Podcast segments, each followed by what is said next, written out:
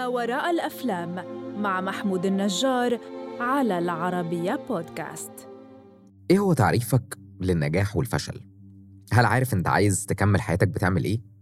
راضي عن اللي أنت وصلت له دلوقتي؟ يعني لو حياتك انتهت في اللحظة دي هتكون سعيد وممتن لكل اللحظات اللي عشتها؟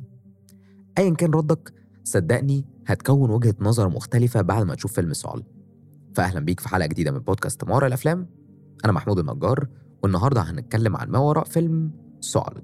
في البداية خليني أحكي لك أكتر عن صناعة الفيلم نفسه وليه صناع الفيلم طلعوه للنور. الكاتب والمخرج بيت دوكتر بيقول إن استوحى الفيلم من الاضطرابات العاطفية اللي حصلت له بعد كتاباته وإخراجه لفيلم Inside Out ولو ما تعرفش فيلم Inside Out بيحكي عن المشاعر وإزاي مشاعرنا بتتحرك وبتتحكم فينا وإيه اللي هيحصل لو فقدنا شعور مهم زي الحزن لو كان في تخيلك إن حياتك هتبقى جميلة لو ما حسيتش بالحزن فده إحساس خاطئ تماما. المشاعر اللي عاشها بيت دوكتر بعد فيلمه Inside Out دفعته إن هو يشتغل على فيلم Soul. باورز بيقول إنه مش بس كانوا عايزين يطلعوا فيلم ينجح وخلاص لأ كانوا عايزين يطلعوا فيلم يساعد الجمهور كله يساعدهم إنهم يتعلموا إن الحياة مش بتتعلق بالفوز أو الخسارة بس وإن حياة كل شخص ليها قيمة. وهنا بيت دكتور بيأكد على ده وبيقول بشكل واضح إن رسالة الفيلم إن للحياة معنى يتجاوز الطموح الشخصي. وأكد على ده وقال The movie's aim is really to say that we are already enough. بمعنى إن الهدف حقا هو إن إحنا نقول إننا بالفعل كافيين. طب القصة بتحكي عن إيه؟ كان يا مكان وكنا في مدرسة في نيويورك. بنشوف عازف البيانو جو جاردنر مدرس موسيقي شغال بدوام جزئي في مدرسة متوسطة. ولكن جو كان بيحلم يلعب الجاز بشكل احترافي. وفي اليوم اللي هياخد فيه عرض توظيف في المدرسة بدوام كامل والدته بتفرح جدا وبتشجعه يقبل العرض. لكن جو كان باين جدا إنه مش مبسوط ونفسه إن هو يعزف مع عازفة الجاز الشهيرة دورثيا ويليامز. وفي الوقت اللي جو قاعد بيسمع كلام من والدته كلام محبط جدا بالنسبة له موبايله بيرن. طالب من طلاب القدامى بيشتغل مع دورثيا ويليامز بيعرض على جو إن هو يلعب معاهم في حفلة الليلة. لحظات بيمر بيها جو من السعادة والانبهار والجري في الشارع علشان يلحق يجهز وفي الوقت اللي بيجري فيه بلهفة بيقع في مصرف مجاري. وهنا بتبدأ الحكاية بشكل مختلف.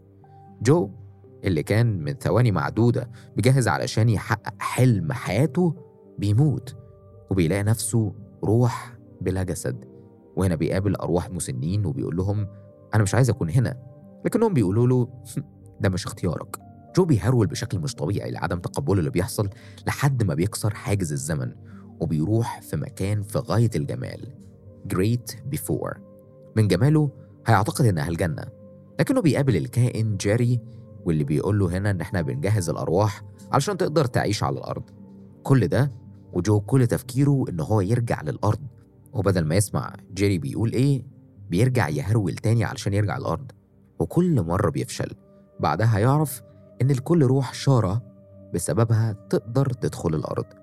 جو بيقرر يلتزم بقواعد المكان لحد ما يلاقي طريقة يرجع بيها. وفي أثناء وجوده هناك بيبقى بالخطأ مدرب للروح 22 جو بيكون أناني تماما. كل بيفكر فيه يرجع للأرض علشان يلحق الحفلة. أنت كمشاهد مش هتدرك مدى الأنانية دي غير في الآخر. ولكن مع أول لحظة ليه مع 22 مش بيكون بيهتم بتعليمها. هو هيكون بيهتم إنها تاخد الشارة وخلاص علشان ياخد هو الشارة كمان ويرجع. لما يشوف حياته قدامه في ذا جريت بيفور بيكتشف قد إيه هي كانت عديمة الفايدة من وجهة نظره لدرجة إن 22 هتتعاطف معاه وتحاول تساعده فعلا يرجع. لكنهم بيفشلوا لأن 22 مش بتعرف تكمل الشارة.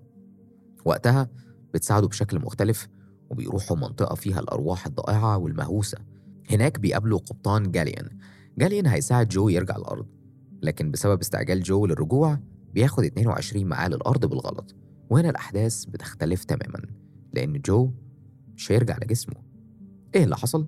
وهل حقق حلمه ولا لأ؟ ولو حققه هل ده اللي كان عايزه فعلا؟ ده اللي هتعرفه لما تشوف الفيلم وأنا بشوف الفيلم وقفت عند مشاهد كتير اتمنيت لو كنت شفتها وأنا أصغر عشر سنين مثلا. كانت هتتغير في قراراتي تماما. يعني مثلا لما جو وقف مع دورثيا وقال لها إحنا هنعمل إيه بكرة قالت له هنيجي ونعزف تاني. فاستغرب جدا وكان متخيل شعور مختلف. لكن دورثيا بتكسر استغرابه وبتقول له سمعت قصة عن سمكة صغيرة فضلت تسبح تسبح كتير علشان توصل لأختها.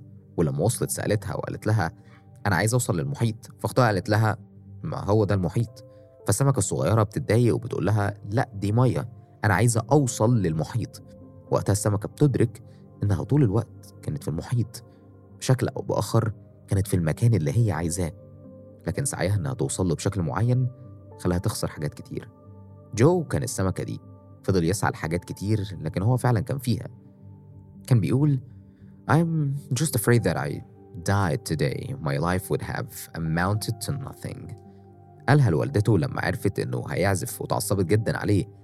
وقتها قال ده والفعل هو نجح يكسب تعاطفها وساعدته علشان يجهز للحفلة وكمان راحت حضرت وشجعته.